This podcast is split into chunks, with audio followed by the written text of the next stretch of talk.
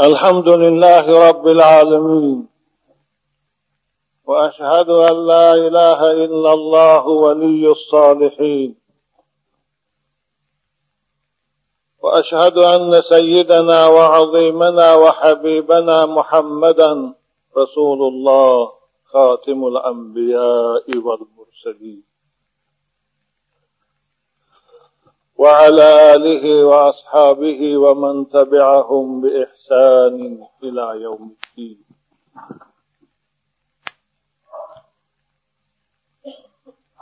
وقال أحد الصالحين وهو يناجي ربه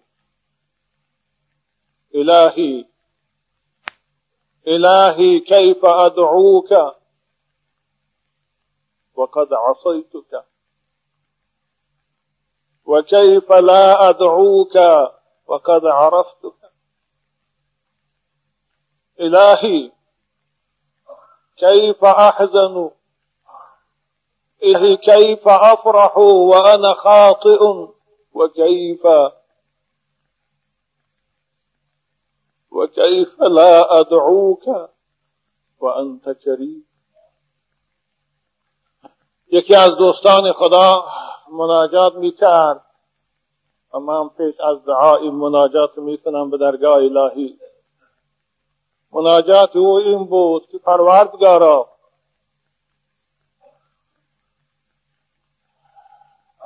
چگونه چگونه من خوشحال شوم چگونه خرسندی کنم و حالا آنکه یک عمر نافرمانی تو کردم. الها چگونه غمگین شوم؟ و حالا آنکه من می‌شناسم تو را تو خدای بخشندو مهربان. برای چی از گناه های خود غم خورم؟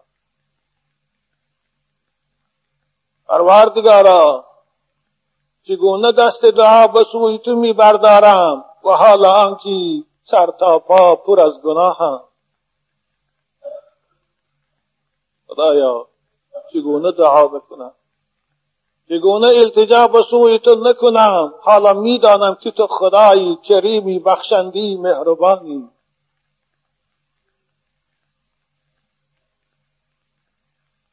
خود امر کردی ادعونی استجب.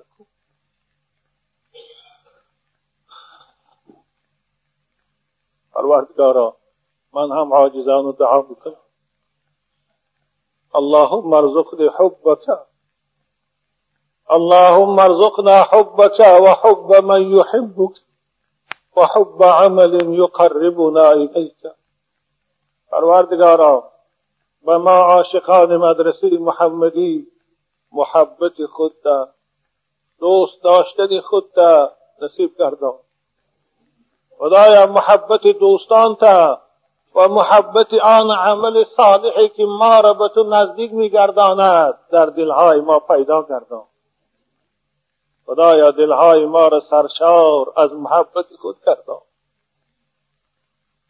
اللهم ارزقنا قبل الموت توبة وعند الموت شهادة وبعد الموت جنة ونعمة خدایا برای ما پیش از آمدن مرگ توفیق بازگشتن به سوی خودت عنایت فرما.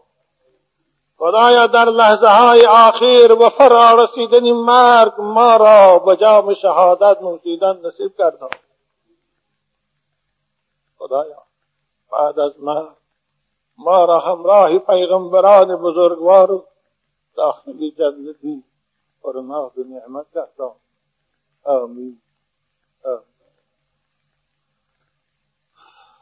أعوذ بالله من الشيطان الرجيم. حافظوا على الصلوات والصلاة الوسطى وقوموا لله قانتين.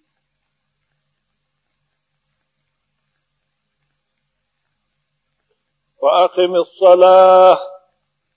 إن الصلاة تنهى عن الفحشاء والمنكر. ولذكر الله أكبر.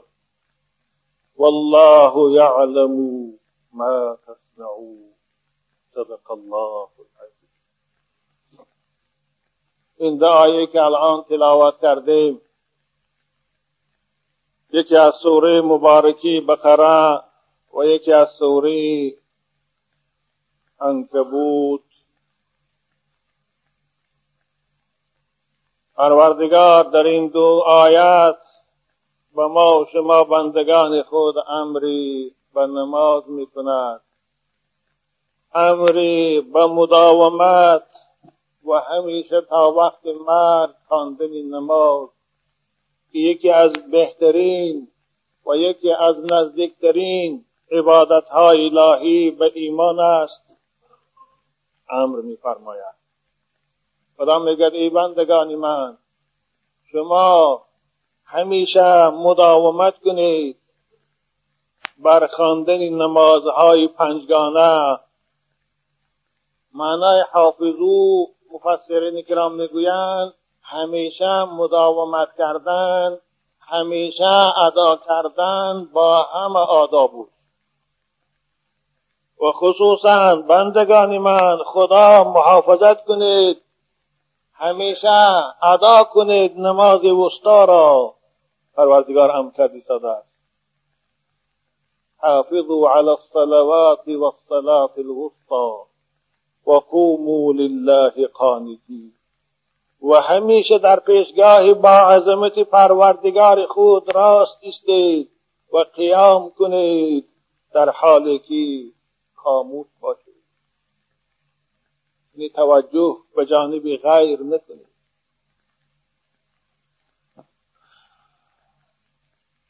در سوره عنکبوت خدا میگه بندگان من شما نماز خوانید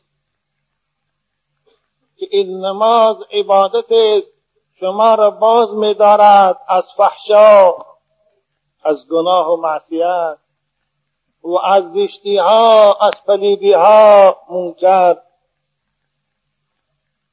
و شما نماز می‌خونه خدا را یاد می‌کنه و یاد کردن خدا شما را به رحمتش این بزرگتر است از عبادت شما. ولی ذکر الله اکبر. شما نماز می‌خونه خدا را یاد می‌کنید اما پروردگارم در نوبت خود شما را به رحمتش یاد می‌کند که این یاد خدا بزرگتر و بهتر است از عبادت شما.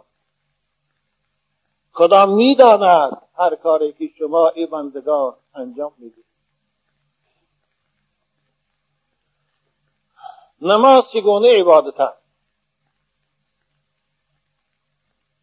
نماز بعد از ایمان به خدا یعنی بعد از آمنت بالله و ملائکته و کتبه و رسله و الیوم الاخر بزرگترین و والاترین عبادت است. هیچ عبادت در اسلام مانند نماز بلند مرتبه و در پیشگاه خدا بزرگ نیست. از این سبب بود که پیغمبر بزرگوار اسلام نماز در حدیث صحیح فرمودن رأس الامر الاسلام و عموده الصلاة و ذروة سنامه الجهاد في سبيل الله. اساس اسلام اساس امر. این اسلام است. یعنی سببی رسیدن شما به خدا. این به اسلام است. دینی که در پیشگاه خدا قدر دارد و قرب دارد این اسلام است. و ستون اساسی اسلام این نماز است از این سبب وقتی که نماز ستون اسلام باشد معلوم شد که بنیاد اسلام به نماز آباد است. اگر نماز از بین رود ستون اسلام شکسته می شود و بینای اسلام ویران می گردد. نماز عبادت است که پروردگار بے واسطه بے واسطه پیغ جبرائیل امین. بے واسطه ملائکی واحد. در شب معراج وقتی که با پیغمبر بزرگوار خود رو فرو شد بیکام و بیزبان این عبادت به بندگانش فرض گردانید. این برای فرضیت نماز نه جبرئیل امین واسطه بود نه یگان ملائکه دیگر. پروردگار خودش به رسول اکرم در شب معراج نماز فرض گردانید. حضرت انس میفرمایند فرضت الصلاة على النبي صلى الله عليه وسلم لیلت اسری به وقتی که پیغمبر بزرگوار به مقام قاب و قوسین او ادنا نزدیک شدند فاوحا الی الى عبده ما اوحا که رسیدند. پروردگار و حبیب خود برای بندگانش تحفه ارزانی کرد و این تحفه عزیزان من این پنج وقت نماز بود. آه. یعنی این نماز در شب معراج پروردگار اولا به حبیبی خود پنجاه وقت فرمید. پنجاه وقت. در یک روز پنجاه بار باید ما نماز خوانیم. ثم نقصت حتی جعلت خمسا. خدا رحمت کنه. حضرت موسی علیه السلام که سبب شدند برای این تخفیف سبب شدن برای سبوک کردن این عبادتی. اسلام رسول اکرم از پروردگار گشتن و برگشت طلب کردن و پنج وقت آمده قرار گیرید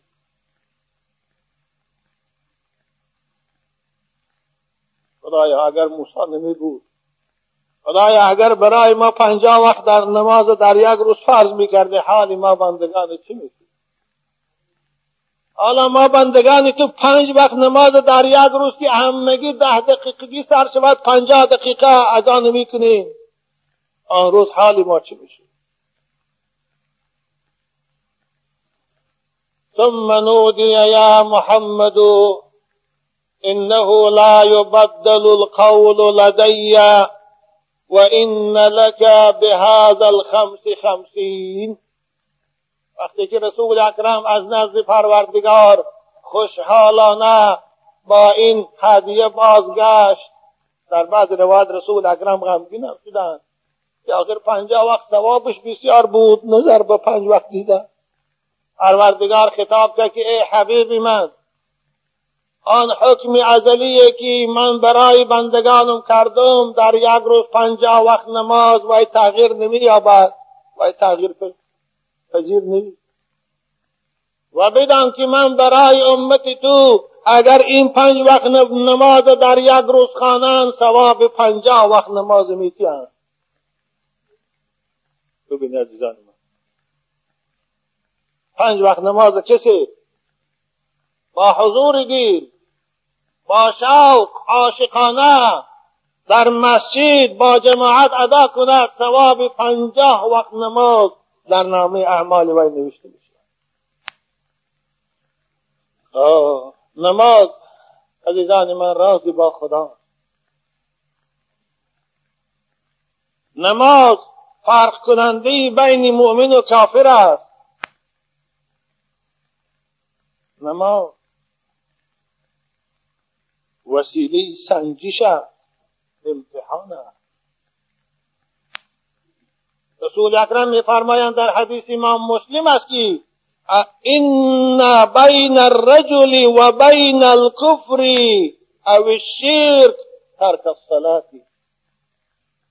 حدیث جابر که رسول اکرم می‌گویند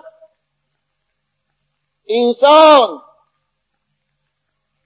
از وقت مسلمان می شود که وقتی او مسلمان حساب می شود که نماز خواند. اگر نماز نمی‌خواند اگر بندگی خدا را انجام نمی‌دهد او به کافرها نزدیکتر است از مسلمان ها یعنی فرق کننده بین ما اهل اسلام از اهل کفر این نماز است.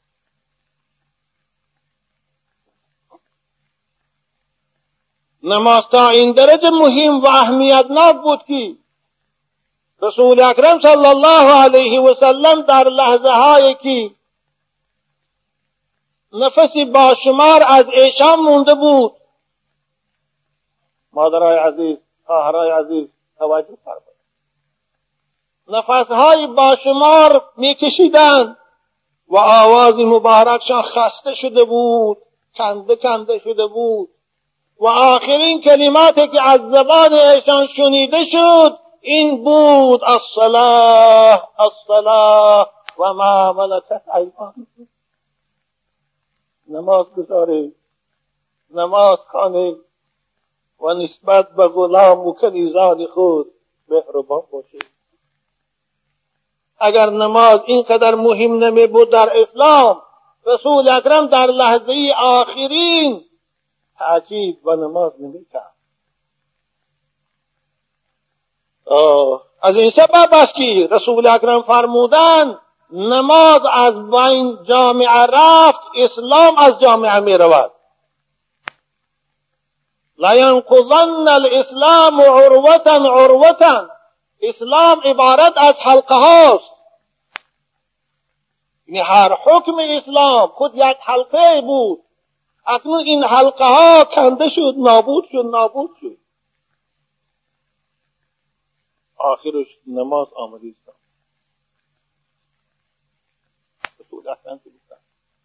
إذا انقضت إذا انقضت العروة تشبث الناس بالتي بعدها وأولها نقضا الحكم وآخرها نقضا الصلاة اول حکمی که از بین رفت. اول حلقه که از اسلام کنده شد این جاری شدن احکام خدا در روی زمین بود.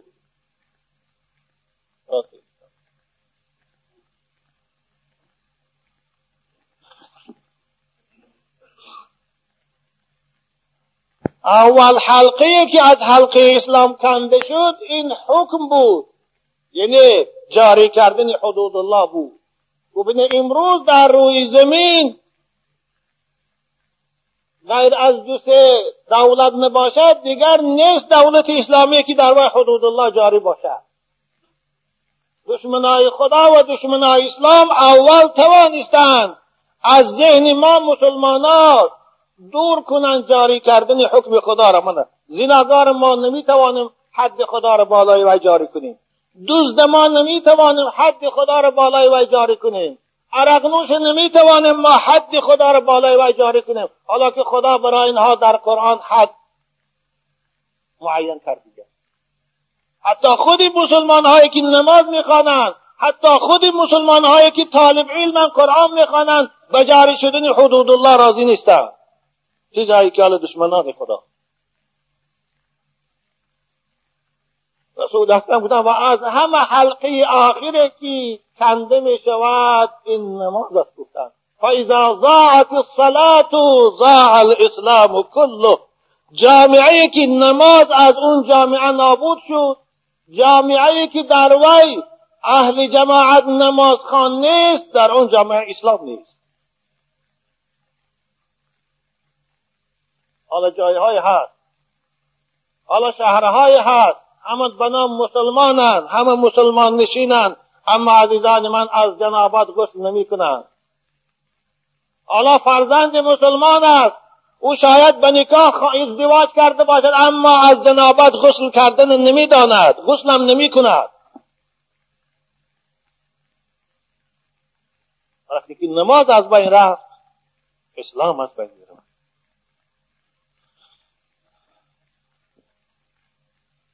نماز. عزیزان من. کلید جنت است. جنت دروازه دارد. دروازه های جنت قلف دارد. قلف های جنت کلید دارد. عزیزان من کلید جنت نماز است. وقتی که بنده وقتی که دعوای مسلمانی می‌کند وقتی که دعوا می‌کند که من بهش میرم همراه خود کلید نداشته باشد چگونه داری بهش برای پیشاده می‌شود؟ نماز عزیزان من بیرق اسلام است. رسول اکرم نه الصلاة علم الدین. وقتی که جمهوری ها مستقل شدن اول کاری که پارلمان ها اینها کردن این بیرق او را انتخابش بود. تا اینکه نشانه دولتداری معلوم شود. عزیزان من برادران عزیز و خواهران که صدای من میشنوه وقتی که شما مسلمان اعلام می‌کنه خود را باید شما نشانه داشته باشه بیرق داشته باشه بیرق شما این نماز است. وقتی که این بیرق وقتی که این علامت در شما نیست شما نمی‌توانید خودتان مسلمان گویید.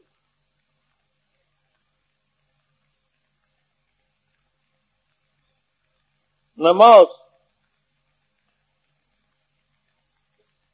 کارخانه آدم سازی عزیزان من نماز اخلاق نمازخانه پاکیزه می کند نماز روی نمازخانه منور می کند نماز قلب نمازخانه منور به نور الهی می کند بندگان نمازخان سیمای صالحین دارند.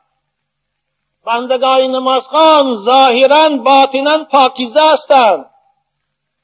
که نماز عبادت است که صاحب که از گناه باز میدارد.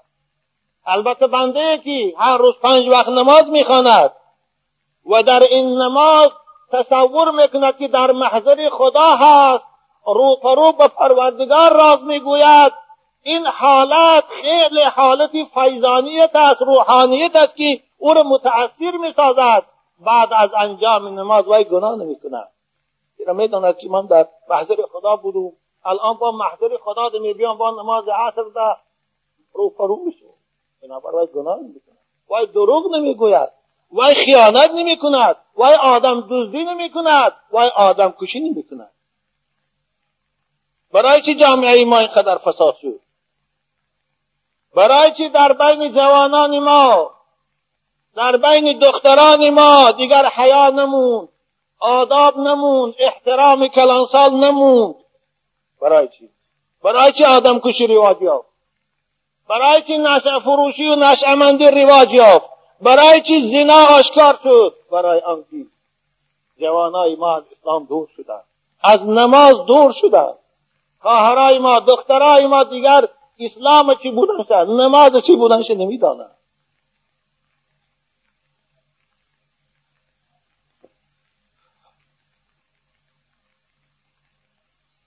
روز قیامت. اول عملی که بنده در پیشگاه خدا برای و جواب می‌گوید بعد از ایمانی به خدا این نماز است. رسول اکرم صلی الله علیه و سلم میفرماید اول ما یحاسب علیه العبد یوم القیامت الصلاة. اول عملی که پروردگار از بنده در روز قیامت حساب می‌گیرد او را ریویزیه می‌کند به اصطلاح امروز گویم این نماز شد فإن صلحت صلح سائر عمله وإن فسدت فسد سائر عمله. أخرجه التبراني والضياء المقدسي عن أنس بن مالك رضي الله تعالى عنه اگر از نماز از عهده نماز از جواب و سوال نماز در پیشگاه خدا با سری بلند خلاص شد. آن صورت باقی عملهای او انشاءالله همش به خوبی انجام میاد اما از عهده نماز از حساب نماز از جواب و سوال نماز در پیشگاه خدا برآمده نتانید آن صورت ما بعد او برای وی حلاکت آورتر است. است و میگه روز محشر که جان گداز بود اولی پرسش از نماز بود این مضمون همین حدیث رسول اکرم است. این حدیث صحیح است. البانی همین حدیث تصحیح کرد پس مکن در نمازها تقصیر تا در آن روز باشد توفیق.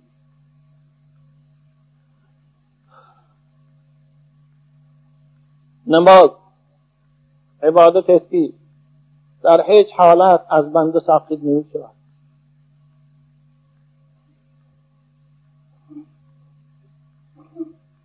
رسول اکرم صلی الله علیه و سلم در حدیث صحیح میفرمایند اگر شما راست ایستاده نماز خوانده نماز خوانده نمی‌توانید نشسته نماز خوانید. اگر نشسته نمی‌توانید یک پهلو نماز خوانید اگر یک پهلو نمی‌توانید به پوشت ها به سوی قبله دراز کرده نماز خوانید حتی در حالت جنگ حتی در حالت سختی هم در حالت سفر هم خدا رخصت نداد بندگانش را که نماز تر کنند.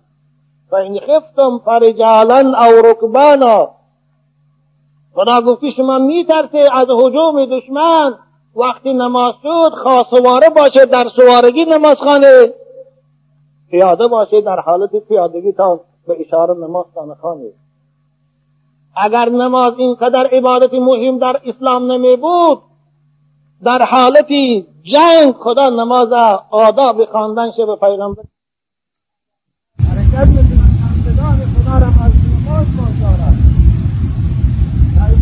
حرکت من بدار خدا را از مسجد بازدارد نبر از فرمایید این شیطان یوزی باشد این شیطان جینی اونها از مسجد میکندند از نماز جماعت میکند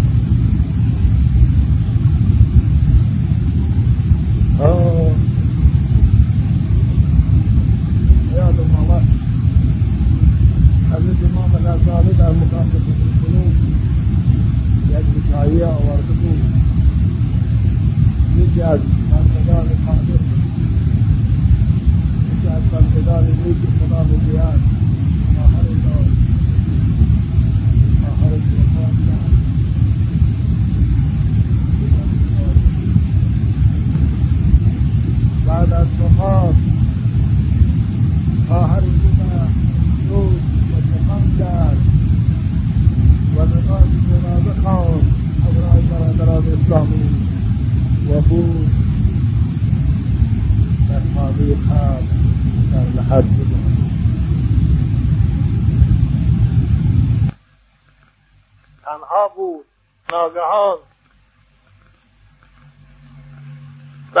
چشمش از داخل قبر دودی برآمدن گرفت به سوی هوا.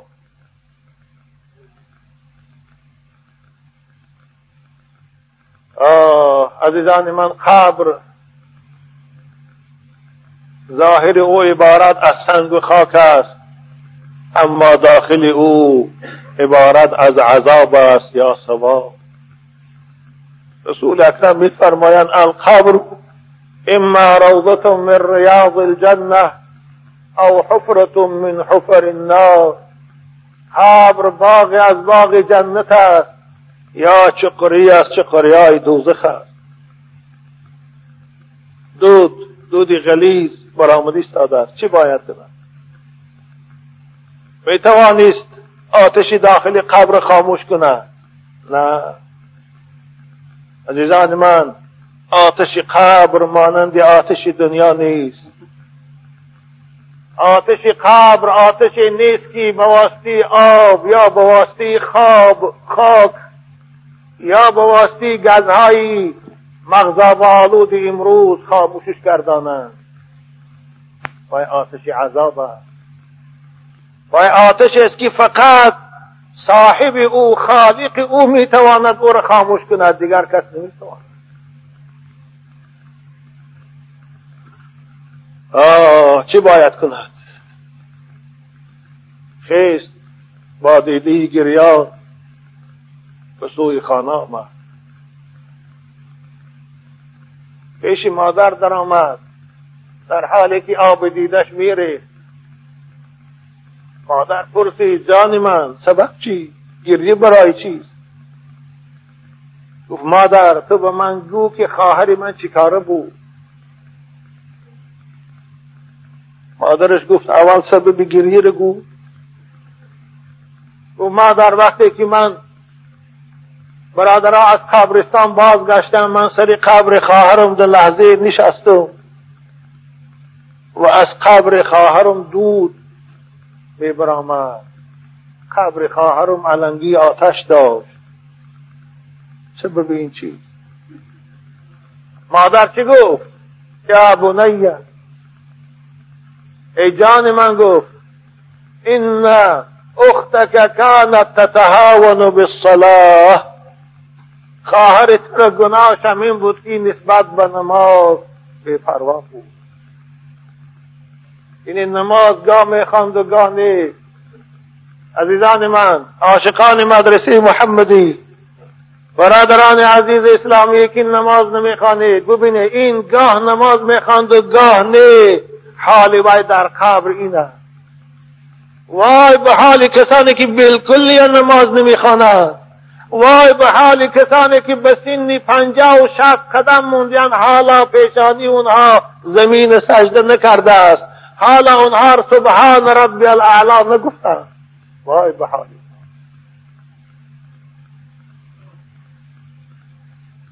چی مگر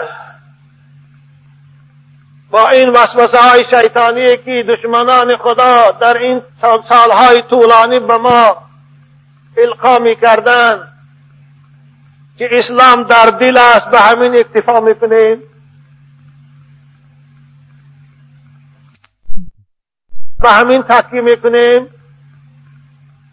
بسیاری از مسلمان ما فریفتی همین سخنها شدیم خدا لک بخش است. خدا مهربان است خدا آمرزنده است میگذرد. ببینیم عزیزان من آیا این عقیده عقیده اسلامی است؟ آیا این گفته اونها موافق به قرآن و حدیث رسول اکرم است؟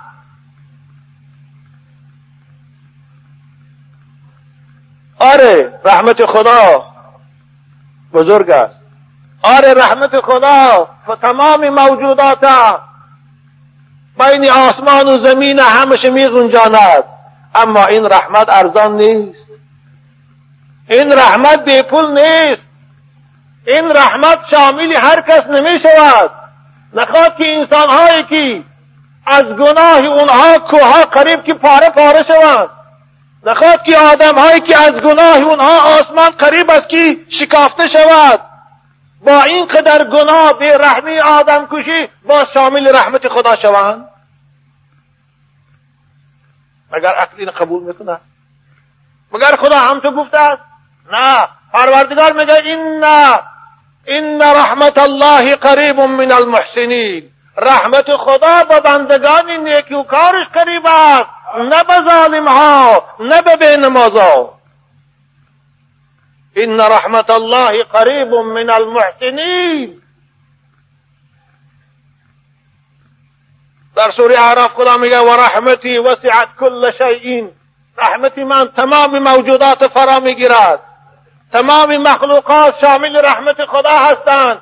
فسأکتبها للذین یتقون ویؤتون الزکات والذین هم بآیاتنا یؤمنون. این رحمت من خدا میگه من به بندگانم نصیب میگردانم که در این دنیا تقوا می‌کنن از حراما خوشان نگاه میدارن عرق نمی نوشن زنا نمی‌کنن نشه فروشی نمی‌کنن آدم دزدی نمی‌کنن آدم کشی نمی‌کنن. من برای اونها میگردانم. نه برای آدم کشا نه برای آدم دزدا نه برای ربا خورا نه برای زناگارا و فاحشه ها برای آنها رحمت خدا. فساکتبها للذین یتقون و یؤتون الزکات والذین هم بآیاتنا یؤمنون نه برای گناهگارا نه برای ظالما. کی گفت؟ که گوی رحمت خدا از بین نمازها رو فرا میگیرد. که گفت که در اینجا مسجد آواز اعظام براید وای در خانه شیند مسجد بیاد با رحمت خدا و شامل نشده کی گفت؟ خدا اینجا رحمتی خود به محسنا قریب کرده است نه به ظالما که گفت که رحمت خدا به شامل می شود. قرآن هیچگاه به نماز و به نماز خان برابر نکرده توجه کنید به سوری مبارکی نور. خدا چی میگه؟ افنجعل المسلمین کالمجرمین. ما لکم کیف تحکمون؟ خدا میگه نخواد که من بندگان مسلمان ما بندگانی که فرمان و انقیاد امری من می‌کنن پنج وقت نمازشان می‌خوانند زکاتشان میدیند روزه می‌گیرند از حرام ها خداشان نگاه میدارند زنا نمی‌کنند قادر بر زنا هستند جوانای عزیز عرق نمی نوشند قادری بر نوشیدن هستند رباخوری نمی‌کنند قادری بر این هستند خدا میگه من اینها را برابر می‌کنم به مجرم ها. مجرم کی؟ مجرم کیست ستمگار. مجرم کیست به نماز مجرم کیست رباخور؟ مجرم کیست زناگار؟ برابر است؟ ما لکم کیف تحکم. چی حکمی جاهلانه دارید؟ چی حکمی احمقانه دارید؟ شما خدا می‌گوید. قرآن کلام خداست. قرآن آیه های خودش خودش تفسیر می‌کند. ببینه پروردگار در سوره مدستیر مجرم ها رو چی تفسیر می‌کند؟ توجه کنید. فی جنات یتساءلون.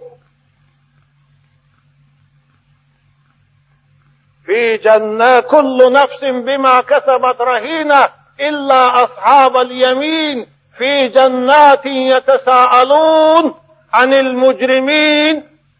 ما سلككم في سقر عن المجرمین من اینجا خدا در قرآن خود مجرم ها رو صفت چه بیان کرد. عزیزان من توجه کنه مجرم کی بود از خدا گفتی ایستاده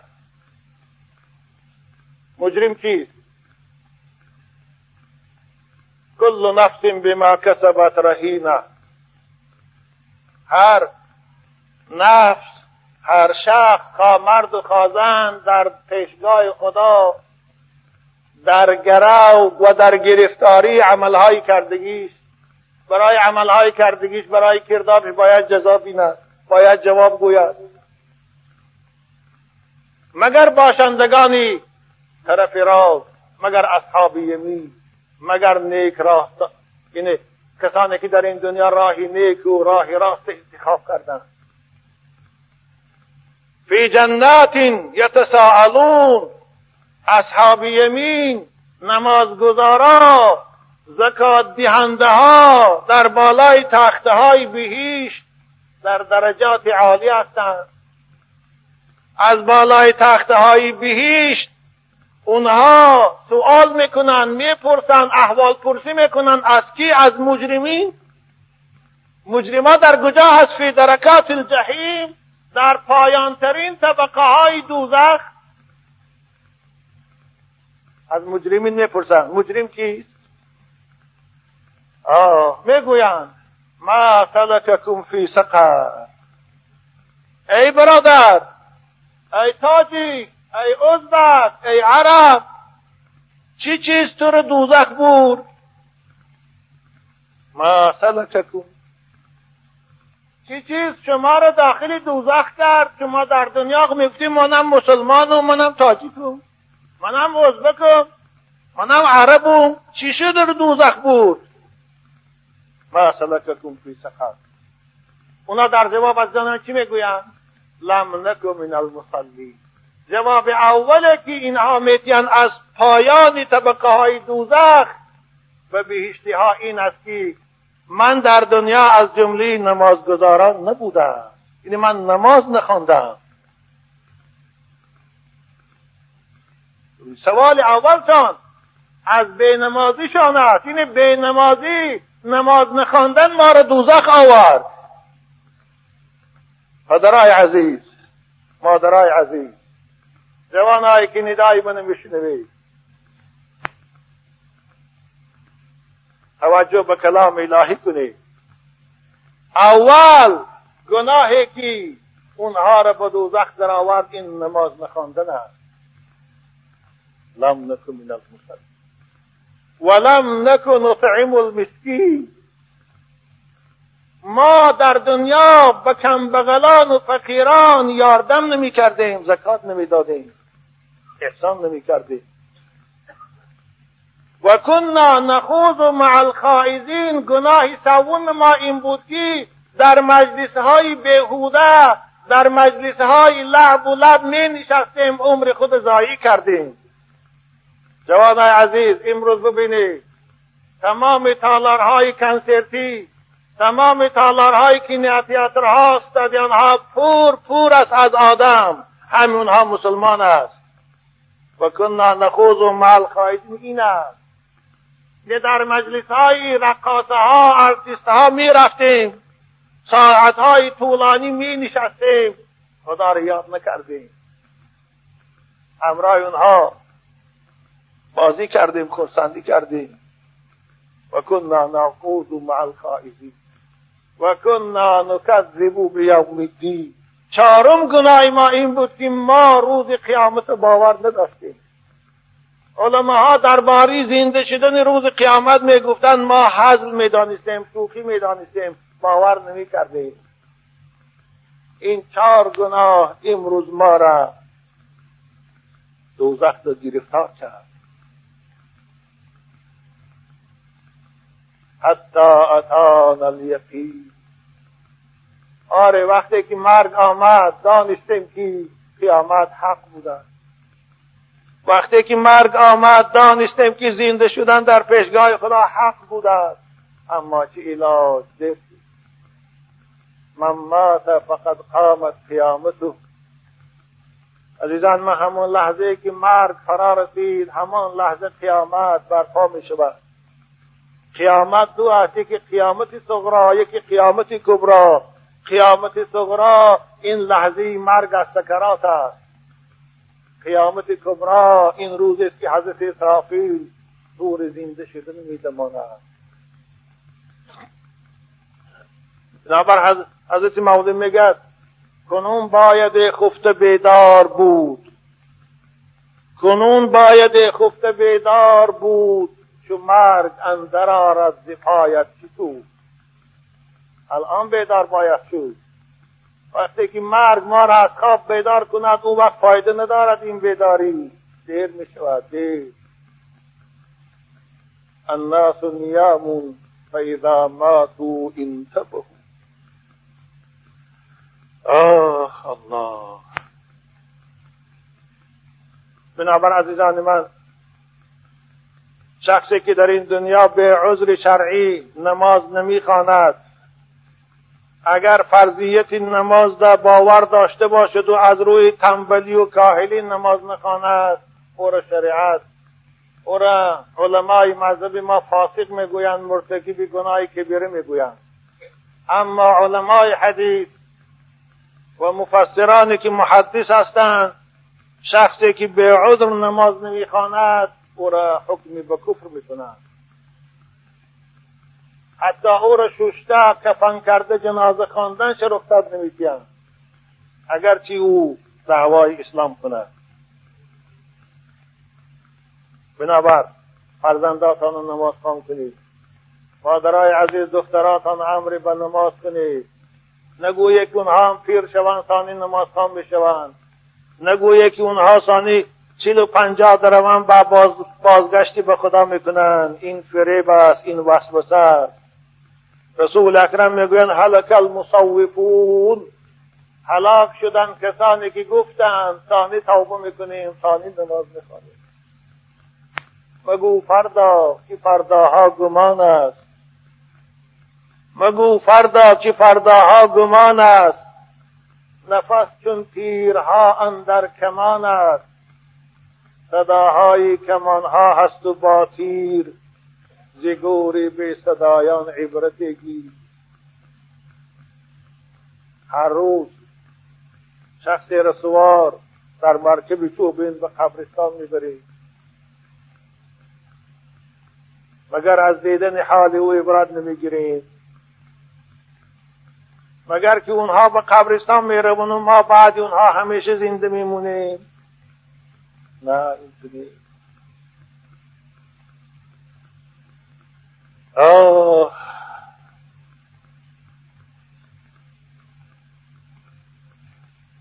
حالا فرصت هست.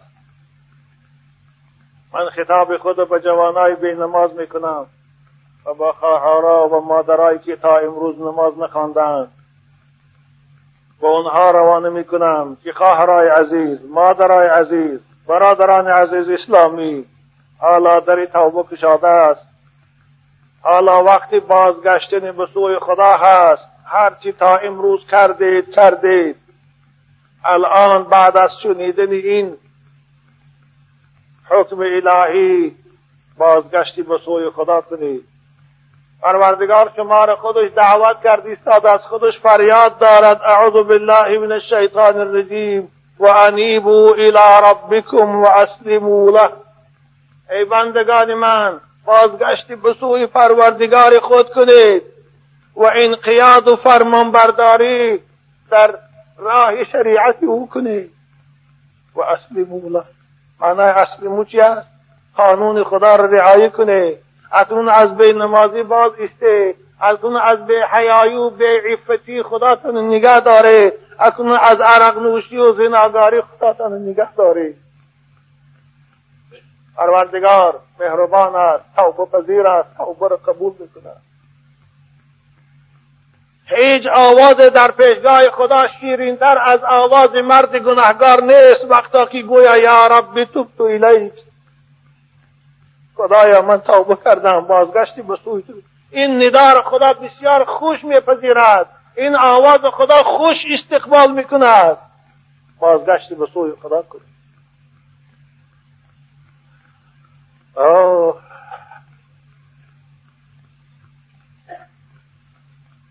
حضرت لقمان علیه السلام غلام بود. حضرت لقمان نبوت اختلاف است. بعضی هم میگن پیغمبر است بعضی هم میگن دوست خداست. ولی الله است. در اول میگد غلام یک شخصی ثروتمند بود یک آدم بای بود. حضرت شبها همیشه به عبادت خدا مشغول بود. مولای او شخصی ثروتمند خواب بود آفتاب می‌زد از خواب به زور بیدار میشید آخر حضرت لقمان طاقت نکرد. چه خست و پیش مولاش رفت. اوه نزدی دری خانه که مولا در او خواب بود رفت دروازش تق کرد. بگفت ای مرد غافل خیز از جا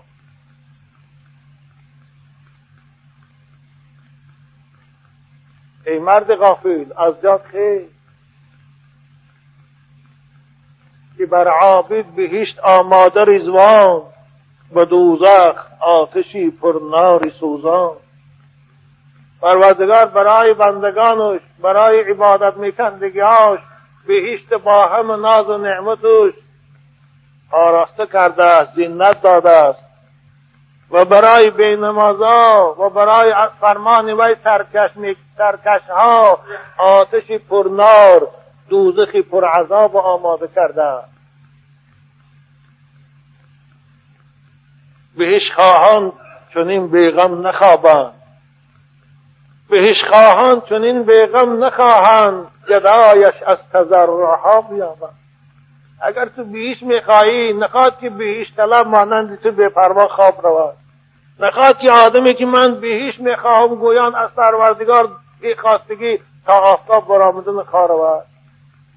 آخر یک بار عبرت نمی‌گیرید. ببین گدا تلبنده در خانت میبیاد تا زاری نکند تا التجا نکند. تو به او چیز برآورده نمی‌دهی کو؟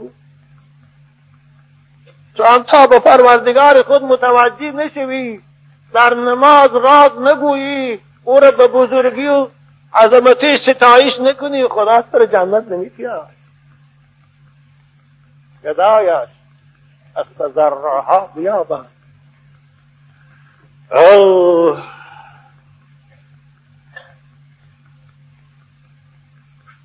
شب دیگر حضرت لقمان علیه السلام باز آمد. باز مولا رو بیدار کرد.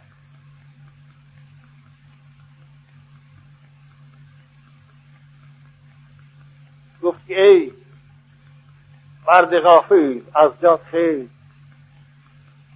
خیز تارت کن رو به طاعت پروردگار کن. رفیقان رفت آمد با تو نوبت. آخر رفیقات رفت همسالات رفت جورهات رفت. اکنون نوبت به تو رسید ایستاده رفیقان رفت آمد با تو نوبت. بخیزو از بحر خدا کن. عبادت هم تو یک نظمی دارد حضرت. زجایت خیزو.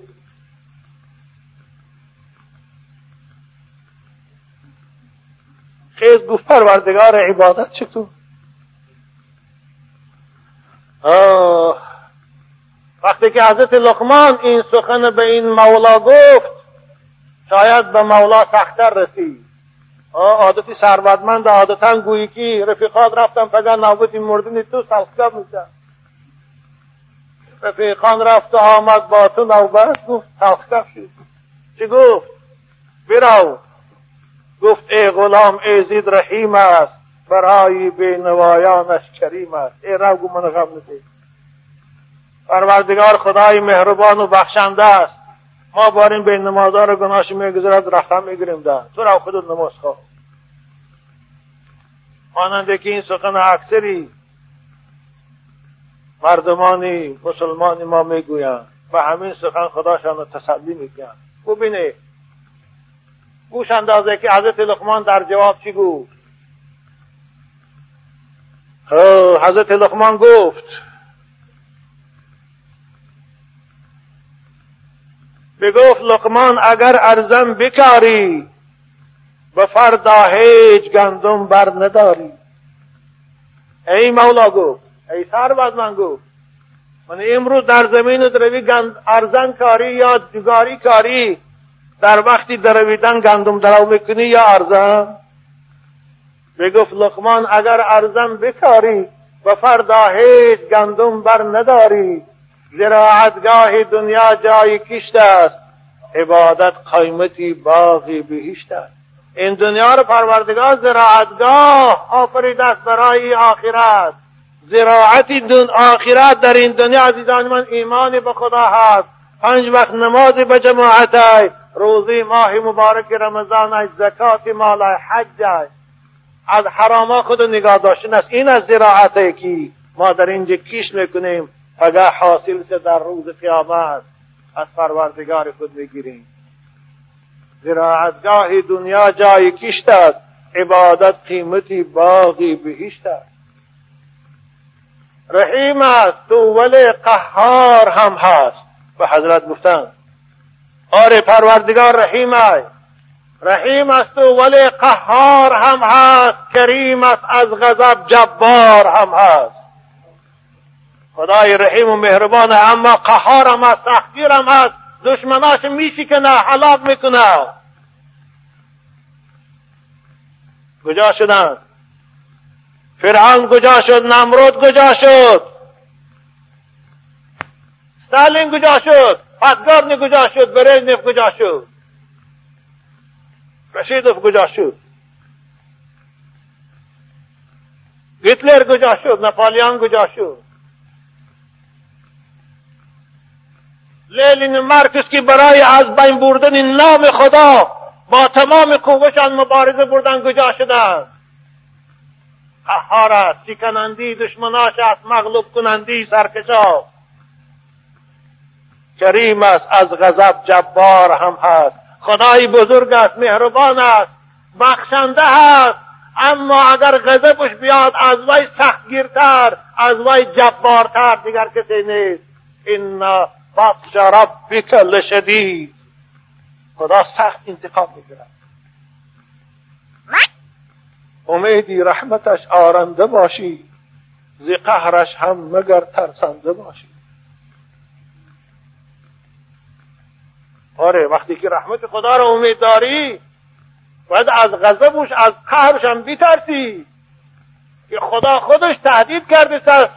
فوای ویل للمصلین. فویل للمصلین الذین هم عن صلاتهم ساهون. وای برای کسانی که نماز می‌خوانند و نماز قضا می‌کنند. وقتی که اینها رو خدا وای گفت تهدید به وای کرد به وای کرد به هلاکت کرد. وقتی که اینها گرفتار عذاب باشند هلاک باشند نماز قضا می‌کرد یا نماز می‌خوانند و اما قضا می‌کنند.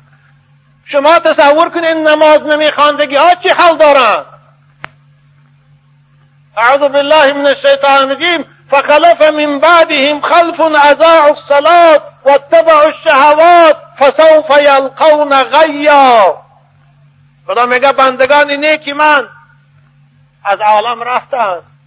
جای نشین اونها فرزندان به دنیا آمدن که نماز بحرش گذاشتن نماز ترک کردن نماز نخواندن.